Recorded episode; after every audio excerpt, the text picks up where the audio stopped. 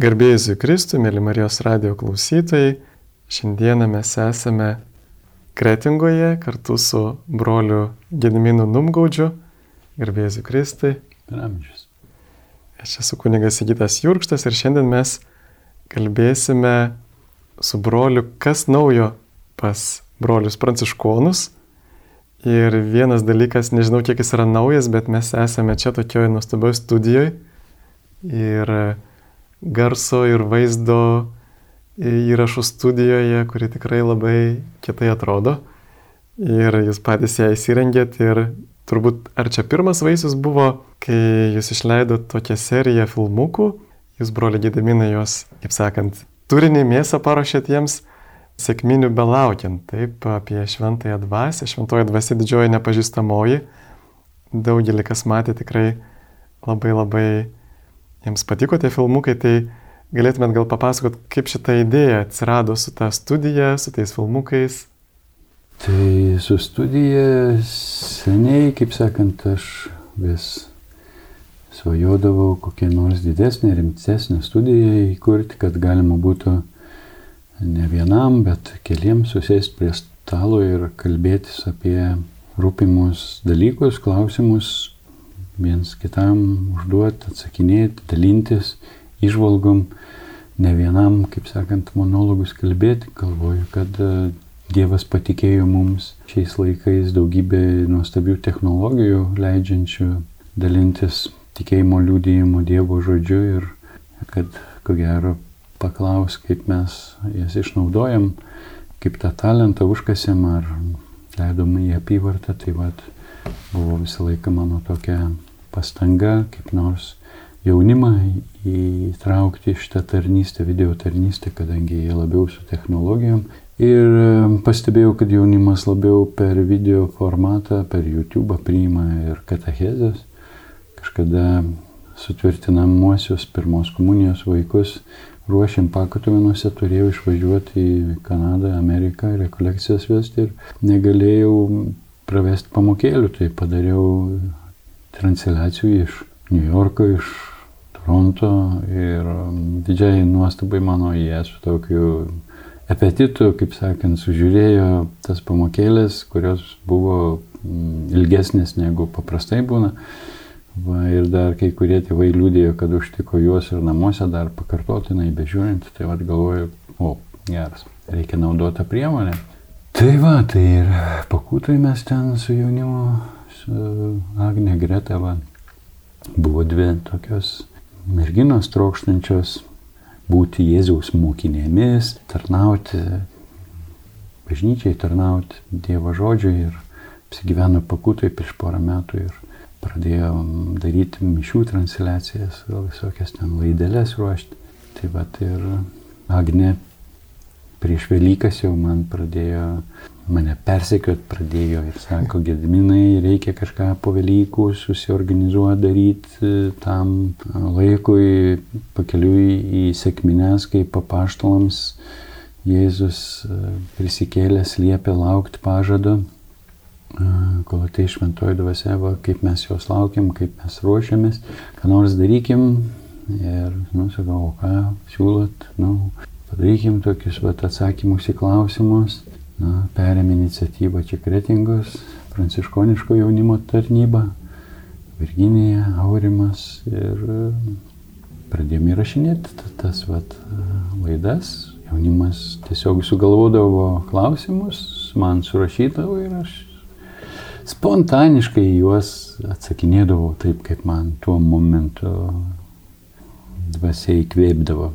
Tikiu, kad dvasia įkvėpdavo, nes melzdavomės, o juk kai meldiesi, Jėzus sako, tikėkitės gausia, tai tikiu, kad šventoji dvasia dalyvavo tame reikale ir pačiam Jėzui, ko gero, buvo linksma. A, tai spontaniškai jos paruošė tos filmukus, nes aš taip galvojau, kad jums reikėjo daug valandų kiekvienam filmukui pasiruošti.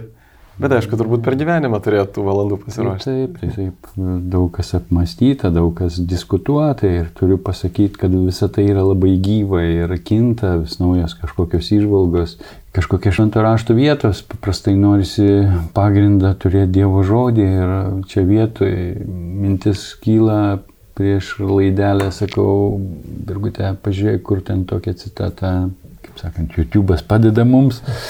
Ir susirandam tą vietą greitai ir va taip gali pacituoti kažką, gaunasi toks gal gaunasi toks įspūdis, kad čia labai mes ruošiamės, o iš tikrųjų praktiškai, galima sakyti, vienintelis mano asmeninis ruošimasis buvo malda, kad viešpatė, tu manęs čia vieno nepalik, būk su manim, kalbėk mano lūpom, tau atiduodu. Va, ir toks pat įkvėpimas buvo, taip viskas spontaniškai vyko. Taip ir kaip tik radau tokią citatą popiežiaus Pauliaus VI, kuris irgi sakė, bažnyčia jaustųsi nusikaltusi viešpačiu, jei nesinaudotų šiomis galingomis priemonėmis, kurias žmogaus protas kasdien daro vis tobulesnės. Tai tikrai yra mums aktualu jomis pasinaudoti, kad pasiektume jaunimą. Ir jūs jau pabaigėt štai tą seriją apie šventąją dvasę, o ar dar bus kokių nors serijų? Nežinau, jeigu ateis kokių iniciatyvų, tai va, aš sakau jaunimui, jūsų iniciatyvos, mano tarnystė, darom kartu. Ir dabar jau atrodo pradėjo daryti dar vieną seriją. Čia gavosi taip, kad mes kretingoje tokias, įsiprašym iš Guardijono, vakarais turim mišes, tokias alecharizmatinės, su šlovinimu, su giesme, tokią, iškelį sušildom žmonių širdis. Kol kas nedidelis burelis ir po tų giesmių buvo jaunimo prašymas pakalbėti apie palaiminimus. Ir sakom, dėl visko įsirašykim, gal panaudosim. Nu, jie pradėjo rašyti, taip kiekvieną pirmadienį buvo čia pertraukėlių, kai buvau išvažiavęs į Ukrainą. Tai va, tai, bet buvo sukauptų tų įrašėlių, jie apsidraudė, kaip sakant, kad nenutrūktų ir paleido tą seriją įrašų Nežinau, kaip ten žmonėms padeda tie palaiminimai. Va, gal kam nors padės. Tai džiaugiuosi, kad tik mačiatų, kaip mes žemaičiai sakom. Labai geras tas toks formatas, kad tai yra ir video, ir su tokio anonsu, ir kad galim matyti, ir jie tokie trumpi. Ir tas trumpumas irgi turbūt labai gerai, nes mes esame pripratę nesulaikom ilgai dėmesį. Mums reikia tokių trumpų kasnelių. Nu, tie palaiminimai tai ilgi. Ten ilgesnė, ne? Jau ten po 40, po 50 minučių. Ai, nu, valandą nemačiau. Ten jau mokymai, kaip sakant. Taip. Nu, jie irgi tokie biški Aš ne akademinis žmogus, aš taip nešioju tą temą, melžiuosi Dievę, parodyk man, ką aš čia turiu sakyti, kaip ką. Pats daug klausimų turiu ir, ir kažką pasiklausau kitų, ką kiti kokių minčių išsakė yra. Va, ačiū Dievui, YouTube yra galimybė irgi pasisemti to gyvo žodžio, liūdėjimo, išvalgų ir paskui kažkaip išeinu su tokia stresu, kas dabar bus, kas dabar bus, bet atveri burnai kažkaip būna, kažkas va taip išeina iš tos burnos. Kartais pats nusistebiu ir galvoju, kad tik neužmirščiau, kad tik neužmirščiau, kaip čia buvo. Gerbiami klausytojai, irgi jums tokia, patikiu jums intenciją, kad ir mes Marijos radijai turim tokią svajonę turėti kažkada ir Marijos televiziją, tai vad, jeigu jūs melsitės karštai tą intenciją, jeigu Dievas laimins, tai galbūt tai irgi išsipildys, bet va galim žiūrėdami vieni kitus pasiskatinti, gal net pakonkuruoti šiek tiek. Tai melskitės, kad tikrai būtų ir Marijos televizija, ne tik Marijos radijas. Ir štai jūs dar paminėjot e, tą charizmatinį šlovinimą. Ir aš vis irgi stebiuosi ir turiu tą charizminio atsinaujinimo judėjimą, kuris man asmeniškai tai labai patinka. Bet irgi stebiuosi, kodėl kai kuriems žmonėms sukelia tokį irgi priešiškumą kūmą arba, kaip čia pasakyti, tokia atmetimo reakcija, tas charizminis atsinaujinimas, bet kaip Jėzus mokė žiūrėti pagal vaisius. Ir kaip Jūs manot, va, kokie yra to charizminio atsinaujinimo vaisiai Lietuvoje, pavyzdžiui? Tuos vaisius įvertinti nėra taip paprasta. Pas mus nėra galbūt ir tos tokios tradicijos liūdyti Dievo darbų O jeigu kas nors kokią apklausą padarytų per kokią radio Mariją ir surinktų žmonių liūdėjimus, kada, kaip, per ką jie įtikėjo viešpatį, prie kokių aplinkybių, tai aš manau, kad bent jau iš mano patirties jaunimo, pavyzdžiui, daugiausia atsivertimų per piligriminius žygius vykdavo, vyresnio žmogaus atsivertimų būdavo daugiausia per kokias nors šlovinimo konferencijas Dar per alfa kursų, alfa savaitgalį. Jo, ten. Kada malda į šventąją dvasę. Taip, taip, aš kalbu apie tą gyvą santykių su Dievu, susitikimą.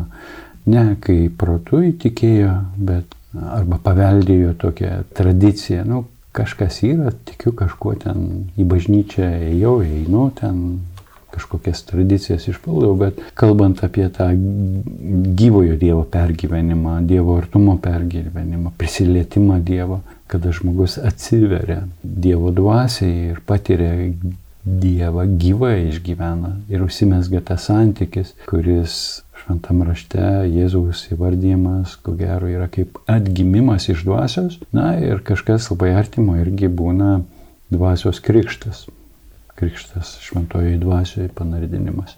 Taip pat ir aš pats esu nekartą tai išgyvenęs ir, ir nemažai e, jaunų ir pagyvenusių žmonių liūdėjimų girdėjęs, kad vat, per charizmatinį šlovinimą, per tą tokį, vat, galbūt kitiems atrodo emocijų, jisai stringa ir iš kitos pusės primityvų ten ir panašiai, bet e, kai žmonės gėda su tikėjimu, galbūt jie netaip jau ten pataiko tiksliai kaip reikia ir tos giesmės paprastos ir primityvios, bet kai gėda su tikėjimu, su tokiu, aš vadinu, patepimu, su aistra Jėzui, tada kažkaip tada liečia žmonių širdis.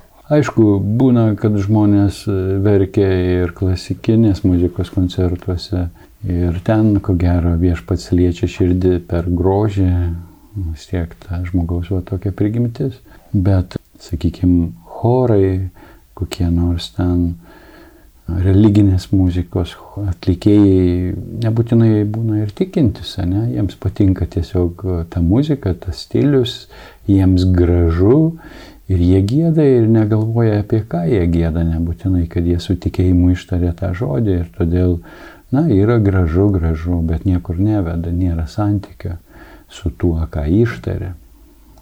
Ir visai kitas dalykas, kai žmogus gėda su tikėjimu, įtikėjęs širdimi, degančia širdimi, tai kažkaip pat kitaip veikia, kaip liūdėjimas, gyvas liūdėjimas to žmogaus tikėjimo jau yra, jis stovi, galima sakyti, nuogas prieš bažnyčią, prieš aikštę žmonių ir galbūt nėra toks įgudęs muzikantas, bet trokšta paskelbti viešpatį, jo meilę paliūdyti ir tai kažkaip paliečia žmonių širdis. Taip kad sunku tuos vaisius apsakyti, bet kai pasižiūri, kokia bendruomenė ką daugiau daro, na tai dažniausiai žiūrėk bus koks renginys ir ten dalyvauja. Ar tai kokia nors charizmatinė maldos grupelė, ar kokia bendruomenė, ar dar kas nors. Jie pirmose gretose, nes jų širdis dega, jie nori kažką daryti daugiau dėl viešpaties. Tai va, kiek e, galimybių jie turi e, savo parapijose, čia kitas klausimas, nes, kaip sakai, yra va tokia nuo seno skeptiškas požiūris. Ir ne, paslaptis, kad ir nemažai kunigų labai skeptiškai tai žiūri, kaip į tokį emocinį daugiau dalyką, kuris praeis čia, arba pridarys bėdų, čia vėl reikės rūpintis, vėl reikės kažką daryti su naujai įtikėjusiais žmonėmis, jie čia užsimanys dar ko daugiau bažnyčių. Tai, va, tai iš vienos pusės yra ir tokių baimių visokių va, tarp ganytojų kad nebūtų kokių erezijų, nuklydimų, ar čia kunigas juos palydė ar globoja. Na, tai klausimų yra ir jie daugelis yra ir pagristi, nes tos sielovados labai trūksta, to palydėjimo tikinčiųjų maldos gyvenime. Apart to, kas organizuojama parapijoje mišios, ten kokia litanija, novena ir viskas, o kas daugiau parapijoje. O jeigu kas nors daugiau, tai reikia kunigui būdėti, kažką aukoti, laiką ir panašiai. Taip yra, jūs paminėjot va, tą tokį santyki tarp charizmininkų ir hierarchijos. Ir labai tokiam vienam dokumente, man atrodo, charizminio atsinaujinimo irgi buvo rašoma, ar bažnyčios dokumente, man rodos, kad jie vieni kitiems yra reikalingi. Ir charizmas Dievas duoda bažnyčiai ir veikia šventoje dvasia ne tik per sakramentus, bet ir per įvairias charizmas, įvairias dovanas. E, ir kaip koks vanduo, kai, jis užlieja, tai jis ne tik tai per kažkokį vieną kitą kanalėlį, bet per visur teka. Tai ir kita vertus, tom pačiom charizmom atpažinti reikia hierarchijos, nes kaip pavyzdys vienas iš būdų, kur dažnai bažnyčia atpažįsta, būtent yra tas klusnumas bažnyčiai. Ir aišku, kartais ir pati bažnyčia piknaudžiauja tą galę, tai vėl čia kita situacija, kada yra piknaudžiavimas gale, tai net prisimenu man tokia biški šiek tiek ir įdomiai buvo skaityti apie Šventą Ignacą, kad jisai, pavyzdžiui, jam viskupas e, vienas buvo kažką uždraudęs ir jisai gerai toje viskupijoje sako gerai, aš nedarau to, bet jis išėjo į kitą viskupiją, kuriam nedraudžia. Tai turbūt mums reikia abipusio tokio ir galimybės paklusti, kur tas klusnumas tarsi mane atfiltruoja, padeda atpažinti, kur yra iš tikrųjų šventosios dvasios, o kur yra galbūt mano paties kažkokie tai, galbūt ne demonų, kažkokie piktosios dvasios įkvėptų aistrų dalykai, kur aš žudbūt noriu padaryti tai, net jeigu ir viskupas neleidžia. Ir va, bažnyčia kartais ir specialiai, specialiai kartais neleidžia, norėdama ištirti, iš kokios čia mhm. dvasios. Labai dažnai būna imitacijų. Žmonės nori pakartoti patirtį, o viešpats mus kviečia sekti juo ir eiti iš tikėjimo į tikėjimą, neprisirišant prie vakarykštės patirties ir nebandant savom jėgom pakartoti kažkokio jausmo, efekto ir panašiai. Kai tie dalykai va įsisuka, tai yra toks didelis pavojus, nes prasideda Nu, tai būna melas šventosios dvasios vardu kažkas daroma, bet nebūtinai tai šventosios dvasios, o tik imituojama, norint ar žmonės patraukti. Juk nesunkiai galim išmokti imituoti charizmatikus, garsiai šaukti, ten e, įstringai pamokslauti, o gyventi kompromisą ir tada vėliau ar anksčiau tie vaisiai atsiskleidžia. Taip ir neturim ir tokių gerų pavyzdžių, pavyzdžiui, kada tikrai hierarchija gražiai bendradarbiavo su charizmatais Pavyzdžiui, toks buvo Marcin Zelinski, kur iš Lenkijos turi vyskupo palaiminimą, bent jau turėjo, nežinau kaip dabar. Ir jisai atvykdavo čia ir Lietuvą, pavyzdžiui, Vytauto bažnyčiai buvo jo pamaldos vedamos ir, ir viena mergina man gerai pažįstama, kuri buvo tikrai turėjo stiprų apsėdimą velnių, jinai būtent per tas pamaldas patyrė tokį išlaisvinimą, nors du su pusę metų žemeldės egzorcistai ir nieko, na, ne tai, kad nieko nebuvo, bet buvo tam tikras laisvinimas, bet toks palaipsniui vyko, o vat galtinis išlaisvimas atėjo būtent per šito charizmato užtarimą bažnyčioje, aišku, prieš švenčiausią sakramentą, bet va, turim pavyzdžių, kai bažnyčia tikrai laimina ir tas pats popiežiaus pamokslininkas, tai pranero kantalamesa yra pats charizmatas, bet kartu ir popiežiaus pamokslininkas, taip. Ir kartu matome, kad ir, ir Vatikane charizminis atsinaujimas toli gražu nėra kažkaip niekinamas, žeminamas, bet kaip tik labai priimamas yra net tarnybos įkurtos už tai atsakingos. Ir, ir vad aš dar vieną, jūs paminėjote tokį vaisių kaip atsiveria. Nu, Lietuvoje gražus atvejis yra kardinolas Sigita Tamkevičius, globa gyvųjų akmenų, visų tų atsinaujinimo dienų. Vat, gyvėjai akmenys tokia ryškiausia pas mus, galbūt charizmatinė bendruomenė Lietuvoje iš katalikų tarpo, tai yra, kaip sakant, gražus pavyzdys. Na, bet vis tiek kažkas vadovaujasi netiesos paieška, bet savo asmeniniu, emociniu, vėlgi kaltindamas kitus, kad jie tik čia ant emocijos, tik jausmai, o pats vadovaujasi jausmais, neištyręs turinio nesigilindamas į turinį. Ai, čia tie, kaip bebūtų gaila, net tėvas Stanislavas buvo labai nusistatęs ir kalakutininkais vadindavo charizmatikus dėl to, kad kalbėdavo kalbomis. kalbomis ja. Taip. Bet va, gražus vėlgi bažnyčios pavyzdys popiežius Pranciškus 17 metais atsiprašė sėkminininkų už visus katalikų šmeištus, kenkimą, prieštaravimą, niekinimą, patyčias. Va, ir tokią sąlygą pastatė, kad nešves katalikų charizmatinio atsinaujinimo 50-mečio, jeigu jame nedalyvaus protestantiškų charizmatinių bendruomenių atstovai.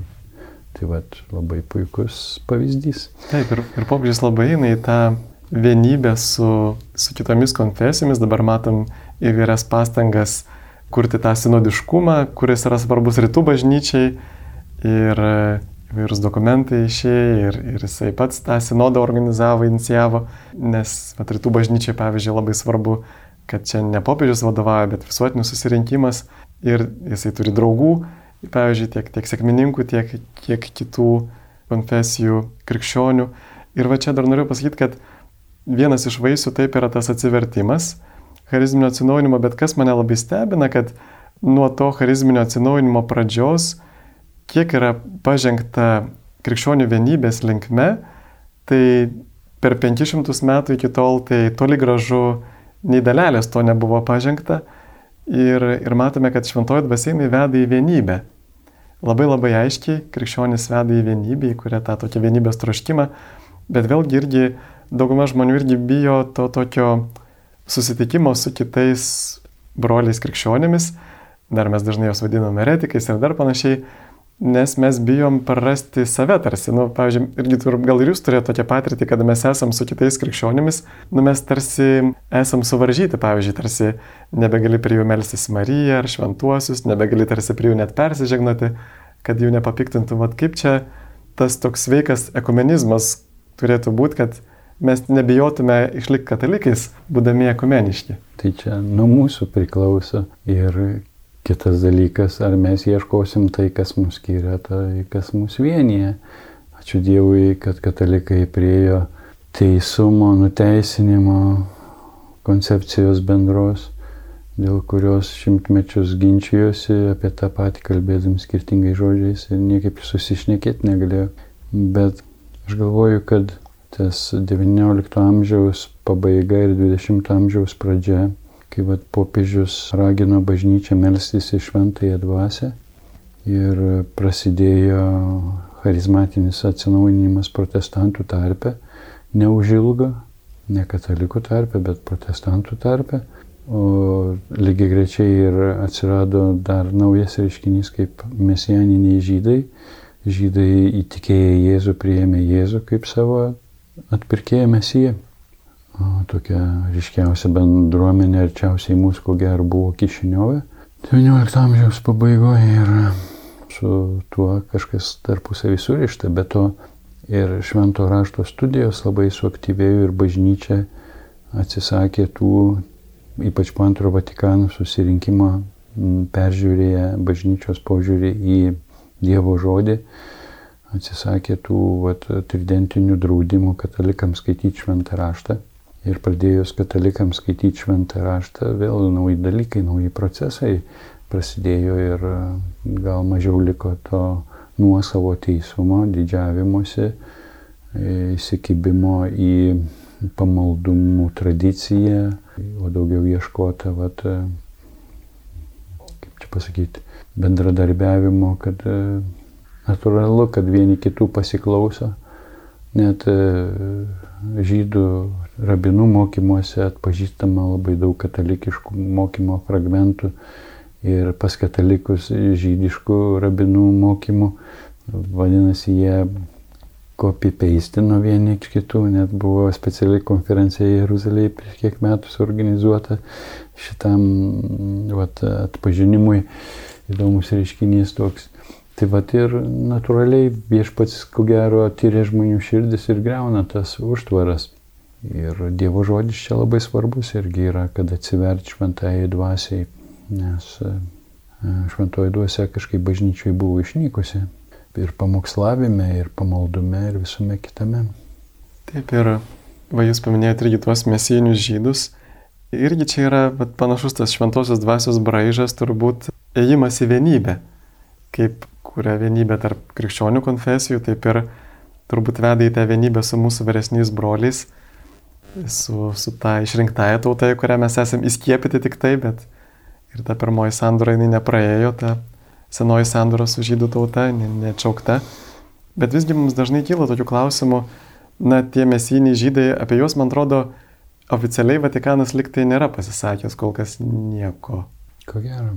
Taip ir, va, kaip čia dabar mums į tai reaguoti, na pavyzdžiui, juk ir šventame rašte, va, pavyzdžiui, Paulius rašo taip, kad jeigu jau tu tiki į Kristų, tai, tai tau jau nebereikia nei tų apipjaustimų, nei panašių dalykų ir tada mes, nu, tą tikėjimą reiškia ir, šventąją dvasę tada paverstume vėl nieku, jeigu vėl grįžtume prie tų dalykų, tai va kaip čia suderinti, kad jie tarsi priima Kristų, bet jie tarsi tada neatsižada savo tokių, kaip vadinkim, aš nežinau, aš tik klausiu, bet va tokių ritualų, kurie buvo kaip provaizdis rodėsi Kristų. Čia, aišku, sudėtingas klausimėlis yra, kad e, tų mesianinių žydų krypčių, jie labai skirtingi, labai susiskaldę ir be abejo popiežius Vatikanas kol kas visą tai stebi, kai penkių mesianinių rabinų delegacija aplankė popiežių Benediktą, tai jis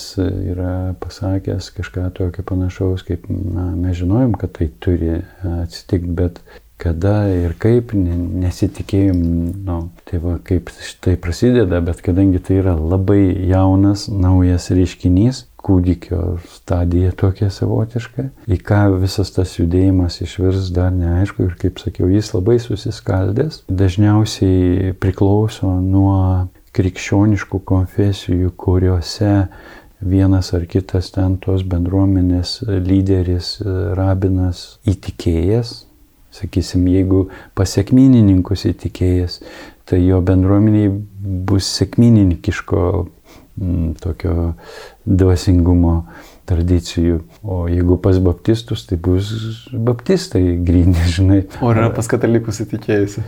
O pas katalikus va, įtikėjusių yra ir tarp kitko pas mus atvažiuos Maranata bendruomenės vadovė į stovyklas Ji yra pati žydė, vyresniam amžiui per savo vaikus įtikėjusi ir šiandien vadovauja katalikų charizmatiniai bendruomeniai. Maranata yra labai radikali katalikė. Bet ar jinai bet jie, savo žydiškumą? Bet, bet ji nėra to žydiškumo išlaikiusi ir Ir jie, ko gero, dar turi reikalų galbūt ir su antisemitizmo dvasia, kuri netaip lengvai užleidžia pozicijas, nes, nežinau, jį pas mus papasakos savo istoriją, ne, bet jį jaunystėje pakliuvo į Osvensimą koncentracijos stovyklą su ekskursija ir pamačiusi tą baisumą visą, taip buvo traumuota, kad ji ilgą laiką slėpė, kad ji žydė. Šiaip iš tikrųjų tokia vad, antro pasaulinio karo didžiulė trauma žaizda, ypač toj rytų tose kraštuose, kur buvo tas holokaustas vykdomas. Tėvai tiesiog prigrasindavo vaikus, nei už ką neprisipažinti, kad jie žydai, jie savotiškai kaip ir įsižadėjo savo žydiškumo slėpdami save, gelbėdami gyvybę, o daugelis ateizmo įtakoj ir savo religinio to gyvenimo išsižadėjo. Ir todėl įdomu, kad daugiausia mesianinių žydų yra iš ateistinių, va, tų komunistinių kraštų tiek Ukraina, kuri buvo nusiaupta ateizmo, tiek Rusija, tiek vat, kitos šalis. Ir va čia kažkaip įdomiai taip viešpats veikia, kad tie žmonės įtikėję pradėjo ieškoti savo žydiško tapatumo, susitikę su kitais ten iš Amerikos atvykstančiais mesieniniais žydais, kurie irgi labai įdomiais keliais įtikėję Jėzų. Jų istorijos labai įdomios, nuostabios, liūdijančios, kad Jėzus gyvas ir pas kai ką ten tiesiog asmeniškai ateina apsireiškia, kai jo neieško ir net netikė ir panašiai. Ir tai va, tai tie judėjimai labai skirtingi ir nelengva, kaip sakant, su jais bendrauti. Yra dar toks savotiškas pavojus, kad Vat katalikų bažnyčia mūsų eina į draugystę su ortodoksais žydais. Ir aš bijau, kad nepaukotų mesijaninių žydų draugystės, kad įtikti ortodoksam žydams. Va čia yra toks man skaudus momentas. Aš už tai, kad mes būtumėm atviri bet kokios tautos žmogui, bet ypatingai žydams, kad jiems e, gražint skolą, liūdėjimą, paštulų liūdėjimą, Dievo meilės liūdėjimą ir nebandyti jų atvertinėti į katalikybę, ir patiems saugotis, nepradėti pamėgdžioti jų. Mes kartais švenčiame šventes žydiškas, kurios iš tikrųjų yra biblinės viešpaties šventės, kurias šventė ir Jėzus, ir Marija, ir visi apaštalai. Ir e, sunku suprasti, kodėl istorijos bėgi bažnyčioje tai buvo atsisakyta. Na, mes žinom, kad imperatorius Konstantinas čia daug padarė tuo klausimu, uždraudęs bet ką žydišką bažnyčioje viskupus privertęs atsiriboti nuo žydiškų dalykų. Mes nežinom tų istorinių aplinkybių, kas tai nulėmė, ar tiesiog um, baime tapatinti su žydais, ar kažkokios, bet na, yra pakeitimo teorija tokia, kad žydai prarado išrinktosios tautos privilegiją, statusą ir dabar bažnyčia iš tautų, naujasis Izraelis ir senąjį Izraelį reikia bausti už tai, kad jie nepriėmė mesijo, kad jie nužudė mesiją, kankino ir panašiai, užmirštant, kad Romos kareiviai, pagonys kalė jį prie kryžiaus ir plakė ir visą kitą darė. Visi čia dalyvavo tame, bet va ta antisemitizmo arba Aš ją vadinu antikristo dvasia, nekenčianti Kristaus, nekenčia žydų tautos ir visokiais būdais kiršina ir, ir todėl bažnyčiui tų reikalų buvo ir dar ilgam bus. Bet ačiū Dievui prasidėjo tie procesai po antro pasaulinio karo žiaurumu ir iš kitos pusės katalikų herojiškumo gelbėjant žydus. Vieni žudė, kiti gelbėjo ir bažnyčia nuo to atrodo biškelį pabudo. Buvo sukrėsta ir galbūt žydų pozicija irgi katalikų atžvilgių kažkiek pradėjo keistis. Prasidėjo va tokie visai nauji dalykai, judėjimai, kurie va dabar yra tokiam vystimusi stadijoje ir dar daugelis tų mesijaninių žydų patys dorai nesuvokia savo tapatumo, jie stengiasi išlaikyti ryšį su Izraeliu, viešpaties šventes švesdami, kurias mes irgi tam tikrų būdų na, labai esam apkrovę galbūt savo akcentais, nuneigę tam tikrus dalykus. Va, bet aš manau, kad ateis laikas, kad bažnyčiai sugrįžti tie dalykai, jie reikalingi, kad turėtumėm tą solidarumą, tą vienybę su žydų tauta ir galėtumėm žydams paliūdyti Kristų kaip jų mesėją, jų karalių ir kad jiems bažnyčioje būtų saugu ir savijaustus priimti.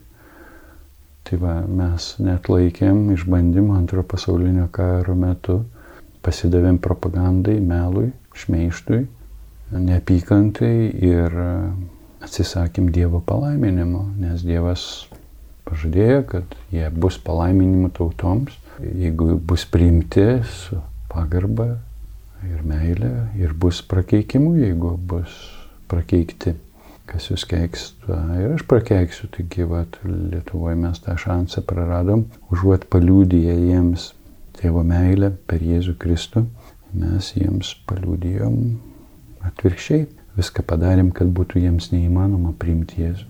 Aišku, ir buvo tų pasaulio teisuolių, kur visai nemažai kurios gelbėjo ir net prisimenu apie Freudą, skaičiau, kad e, jisai viena vertus e, išpažino, kad kovoja su pagrindiniu savo priešu, na čia va jau tais e, prieš antrą pasaulinį karą, katalikų bažnyčia, bet paskui tarsi rašė, kad na, vis dėlto gal atsiras e, žydams užuovėje katalikų bažnyčioje Ir e, jis irgi tikėjusi tarsi to tokios apsaugos, paskui aišku pabėgo į Angliją, bet irgi pats Jėzus yra sakęs, kad iš žydų ateina išgelbėjimas ir mes taip pat matome, kad e, turim daug naudos ypatingai su Euharistija. Vat, turim čia neseniai išleistą katalikų pasaulio žydiškos Euharistijos šaknis Brent Pitro, kur matom, kaip e, pažinimas tų žydiškų dalykų, tiek švenčių apieigų mums padeda daug geriau suprasti ir Euharistiją. Nu, pavyzdžiui, kad buvo Mozės padangtė, buvo artumo duona visą laiką. Ir, ir kitų dalykų. Tai žodžiu, kad tas Senojo testamento geresnis pažinimas mums labai reikalingas, norint e, gerai pažinti va, visą tai, ką Jėzus įsteigė, jo mintį, jo gyvenimą. Ir taip pat va, tas žydų atsivertimas yra tarsi tokie kaip ir išpranašautas dalykas, va kaip ir laiškė romiečiams, atrodo, 11 skyriui parašyta, kad kad jūs, broliai, per aukštai apie save nemanytumėte, pasakysiu mus paslapti, dalis Izraelio tautos lieka užkietėjusi, kol įeis pagonių visuma, o tada bus išgelbėtas visas Izraelis, kaip parašyta. tai yra vienas iš laikų pabaigos ženklų, ar ne, tas žydų atsivertimas. Be abejo. Ir aš noriu tame dalyvauti, bent savo poziciją, kad būčiau išreiškęs. Ir ten ta pranašystė tokia įdomi, kad žydų atsivertimas visiškai naują dvasinio gyvenimo kokybę, kokios dar nebuvo pažinta, atneš prisikelimą iš numirusių. Taip, ir jūs dar paminėjote stovyklą Pakotavanose, taip, ir kur dalyvaus įvairių žmonių, teko šiek tiek nugirsti, gal galėtumėte irgi daugiau papasakot, štai kada jinai bus ir ką ten galės lankytojai atrasti. 17 dieną Pakotavanose prasidės stovykla. Tema yra viena krikščioniška šeima. Mūsų noras va, yra per susitaikinimą su žydais per tą nuosavo teisumo atsisakymą priimti brolius, sesės, kitų konfesijų kaip savo brolius, kaip kad e, paieškoti kažkokių bendrų tarnavimo erdvių, kad galėtume dalintis tikėjimu viens su kitu, stiprinti viens kitą, melstis viens už kitą, visiškai nesistengiant viens kito atvertinėti, arba patraukti į savo pusę, padaryti tokius kaip mes, arba kad įtikti, pasidaryti kaip kiti. Tiesiog, kad kiekvienas nesigėdytų, nebijotų savo tapatumo, neslėptų, bet jį liūdytų, skirtingus Dievo darbus ir panašiai. Ir bus kunigas iš naujo kelio bendruomenės iš Prancūzijos. Šią mane. Jo, ir iš Ukrainos, iš Maranata bendruomenės, bus trys moteris, kurios mums pristatys savo bendruomenės patirtį ir kartu pristatys krikščionišką gelbėjimo tarnybą, kuri Ukrainoje per šituos metus apjungė bendrai tarnystė iš įvairiausių bažnyčių apie 600 žmonių. Ir man pačiam va teko prieš mėnesį kokį būti Kievė ir kartu su mesijaniniais žydais ir katalikais bendroji grupė eit lankyti karius, kapelionų korpusas toks vat, iš tikinčiųjų sudarytas globoja karius, aprūpina juos reikalingom priemonėm, gydimui, išklauso juos, meldžiasi už juos, palydi juos, va, taip kažkaip liūdė gražiai tikėjimą ir žodžiu ir darbu. Nėra, kad vien tik labdarą atnešė ir, ir, ir sudėjau, bet e, tokia vat, palaiko draugystę, brolystę ir stengiasi paskelbti gerą naujieną, paliūdį Dievo meilę, vėlgi neverbuodami savo bažnyčią, kiekvienam pasiliekant savo konfesijoje, jeigu ortodoksas nevilios ten ar į mesijaninius žydus ar katalikus, bet pasimels bendrai priimtina malda, spontaniška malda ar tėvė mūsų malda bendra visiems krikščionims. Tai va tokių gražių istorijų, pavyzdžių turėjom.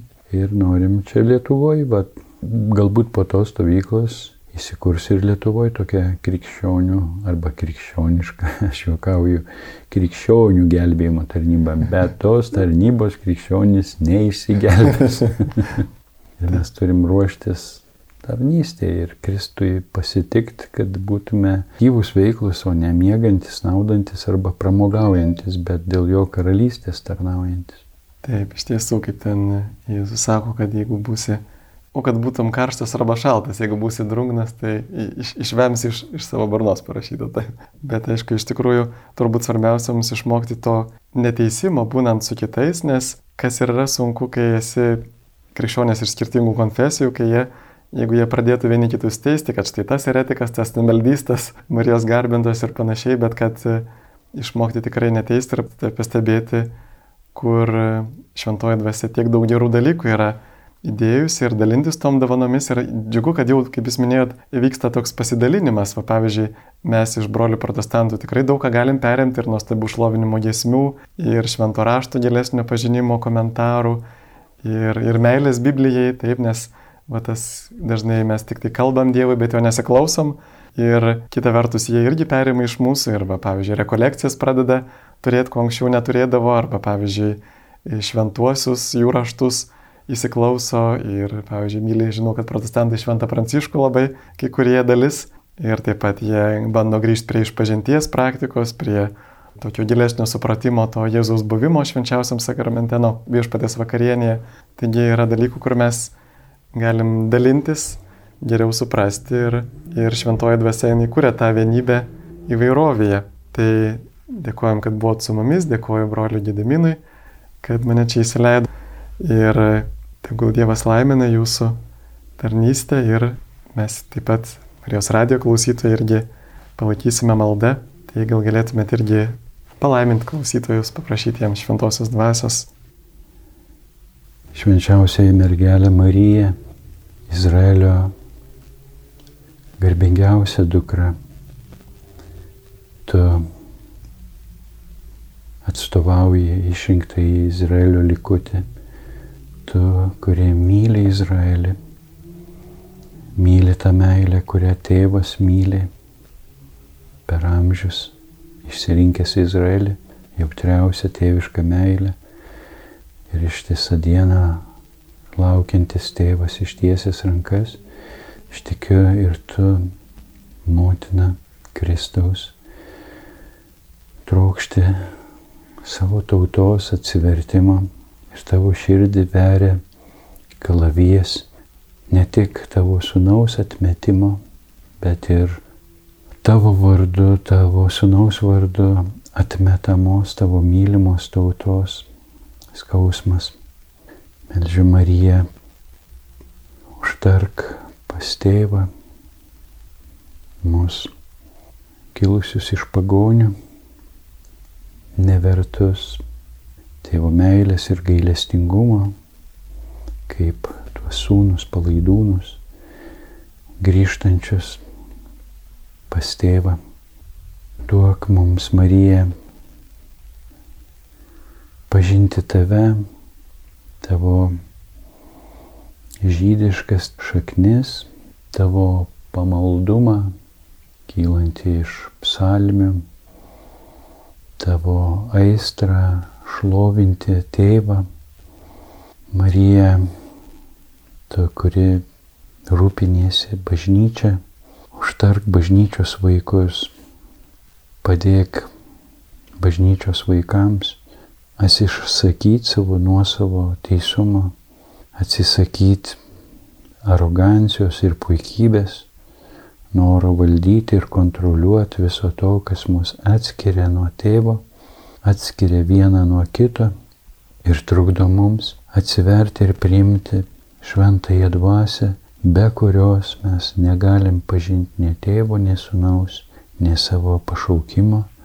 Meldžiu viešpatie per Marijos užtarimą, palaimink mus savo šventąją dvasę, palaimink bažnyčią naujų dvasinių prabudimų, suteik bažnyčiai atgailos malonę, ištirk bažnyčios vaikų širdis ir parodyk mums mūsų klaidas, mūsų nuodėmės, mūsų nusikaltimus. Duok mums drąsos pripažinti klaidas, nusikaltimus, kad visuotinę atgailą visi, visa širdimi sugrįžtume pas tave.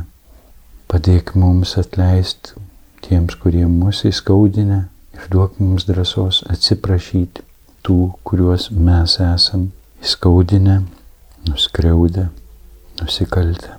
Sveika Marija, malonės pilnoji, viešpat su tavimi, tu pagirta tarp moterų ir pagirtas tavo sunus Jėzus. Šventoji Marija, Dievo motina, melsk už mus nusidėlius, dabar ir mūsų mirties valanda. Amen.